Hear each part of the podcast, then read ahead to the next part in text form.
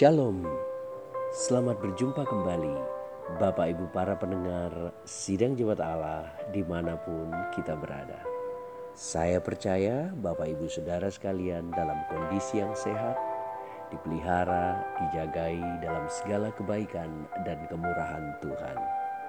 Kita segera akan mendengarkan firman Tuhan dengan judul Menang atas Kemustahilan.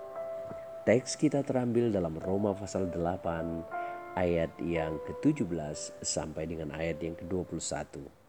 Di situ tertulis, Engkau telah kutetapkan menjadi bapa banyak bangsa di hadapan Allah yang kepadanya ia percaya, yaitu Allah yang menghidupkan orang mati dan yang menjadikan dengan firman-Nya apa yang tidak ada menjadi ada Sebab sekalipun tidak ada dasar untuk berharap, namun Abraham berharap juga dan percaya bahwa ia akan menjadi bapa banyak bangsa menurut yang telah difirmankan.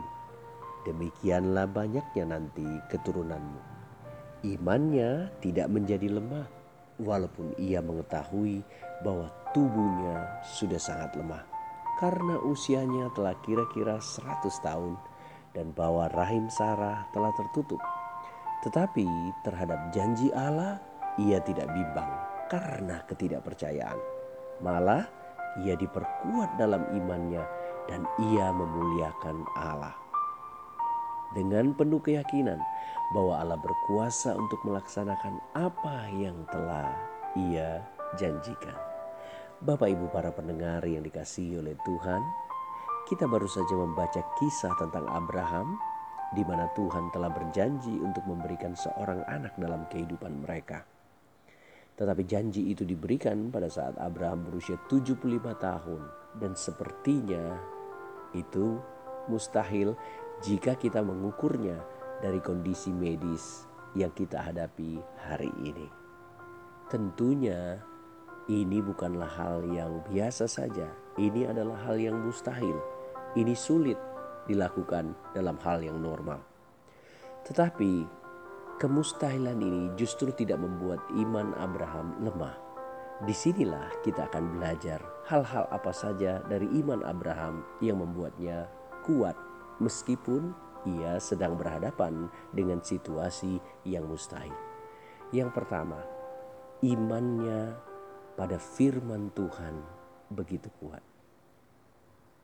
Tuhan telah berjanji padanya untuk memberikan anak. Dan firman itu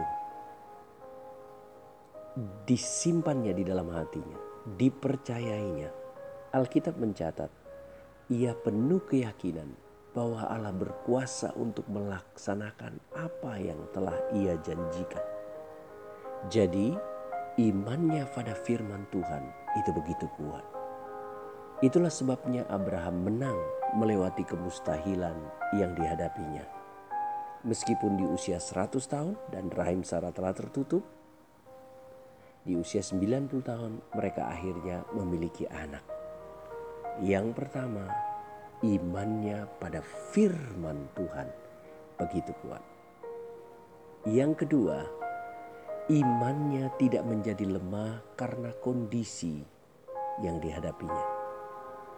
Jadi ketika melihat kondisi yang dihadapi oleh Abraham, tentunya kalau itu kita, kita akan lemah. Kita akan berkata mustahil, tidak mungkin dan tidak ada jalan keluar sama sekali. Mungkin orang-orang menghina, mengejek kita. Untuk apa lagi percaya pada Tuhan? Kondisinya sudah jelas. Tidak mungkin. Nah, tahukah Bapak Ibu Saudara, di usia 75 tahun, Abraham mengganti nama dari Abram menjadi Abraham. Abram artinya Bapa yang mulia. Digantinya menjadi Abraham, Bapa banyak bangsa. Tentunya ini adalah sebuah lucon. Jika dia ketemu dengan orang dan berkata, "Halo Abraham, Bapak banyak bangsa yang belum punya anak." Ini adalah penghinaan. Tapi inilah bukti bahwa iman Abraham tidak tergantung pada situasi dan kondisinya. Ia tetap percaya. Ia tahu Imannya melampaui kondisi dan situasinya. Keadaan di sekelilingnya tidak mempengaruhinya meskipun dia tahu rahim Sarah telah tertutup dan usianya telah 90 tahun. Tapi kondisi tidak melemahkan imannya. Luar biasa bukan? Yang ketiga, imannya diperkuat dengan terus memuliakan Tuhan. Ternyata rahasia untuk memperkuat iman adalah terus mempermuliakan Tuhan. Ia terus memuji Tuhan, ia terus membesarkan Tuhan. Ia tidak membesarkan situasi dan keadaannya. Ia membesarkan dan mempermuliakan Tuhan dalam hidupnya. Bapak, ibu, saudara sekalian, mungkin kita dalam kondisi yang sedang berhadapan dengan kemustahilan terhadap usaha, pekerjaan, rumah tangga, keluarga, dan kehidupan kita. Tetapi Abraham telah mengajarkan kita hari ini tiga langkah yang luar biasa. Langkah yang pertama, kita harus percaya kuat pada firman Tuhan. Kita harus percaya bahwa Allah sanggup untuk melaksanakan apa yang telah Ia janjikan kita harus percaya dengan sungguh-sungguh dan kita yakin bahwa Tuhan akan mengendapinya. Yang kedua, iman kita tidaklah menjadi lemah karena situasi dan kondisi. Banyak di antara kita yang sudah mulai menyerah, sudah mulai putus asa, sudah mulai tidak sanggup, sudah mulai menyalahkan sesama, menyalahkan diri sendiri, dan mungkin menyalahkan Tuhan karena kondisi yang sedang kita lalui.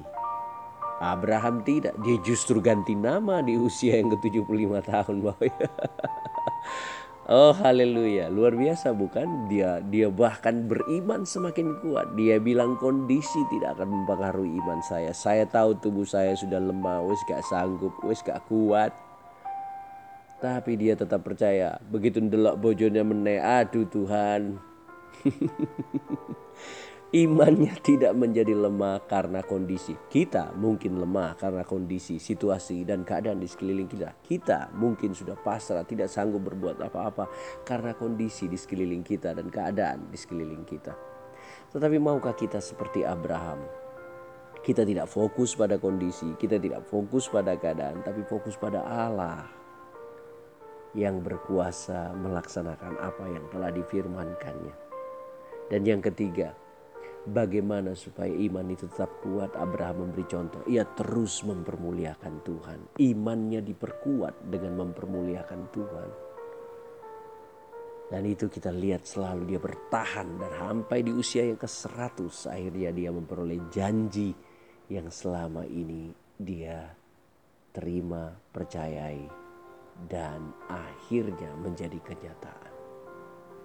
Bapak Ibu Saudara sekalian, Mungkin kita sedang berhadapan dengan situasi sulit. Langkah pertama, percayalah pada firman Tuhan sungguh-sungguh. Kedua, fokuslah padanya dan jangan fokus pada kondisi serta keadaan kita. Karena itu mungkin bisa melemahkan kita. Namun ketika kita fokus pada Allah, kekuatan baru mengalir dalam kehidupan kita dan yang ketiga, tetap permuliakan Tuhan. Karena iman Abraham kuat. Karena ia terus memandang dan meninggikan nama Tuhan.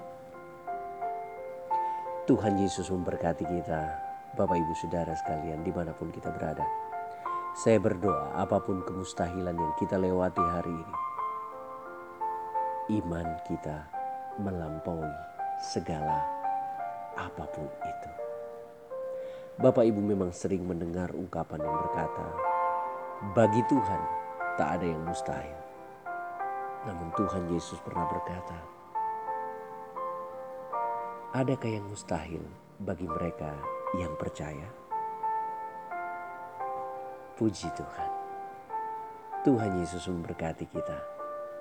Selamat menikmati jawaban janji Tuhan. Amin.